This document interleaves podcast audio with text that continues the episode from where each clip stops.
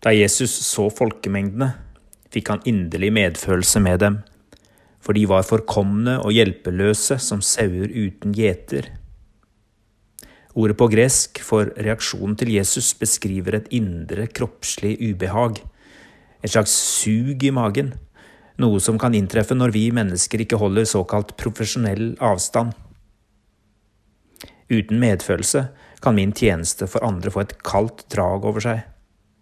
Det er det samme med et helsevesen uten medfølelse.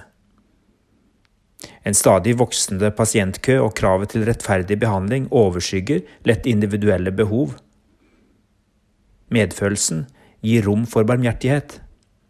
Jesus så enkeltmennesker i mengden.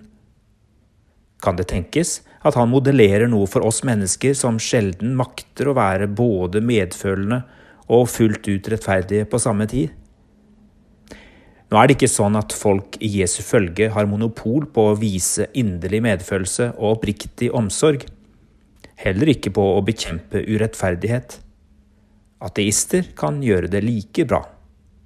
Vi er ikke stort bedre enn andre til å holde dødskreftene på avstand heller. Bare én oppgave har vi monopol på å formidle håpet om kroppens oppstandelse etter døden. Der ligger kraften også til innsats for livet her og nå. Vi skal gjøre alt det andre, men hvis vi glemmer det som er kirkens kjernebudskap, da har vi sluttet å være arbeidere for høstens herre.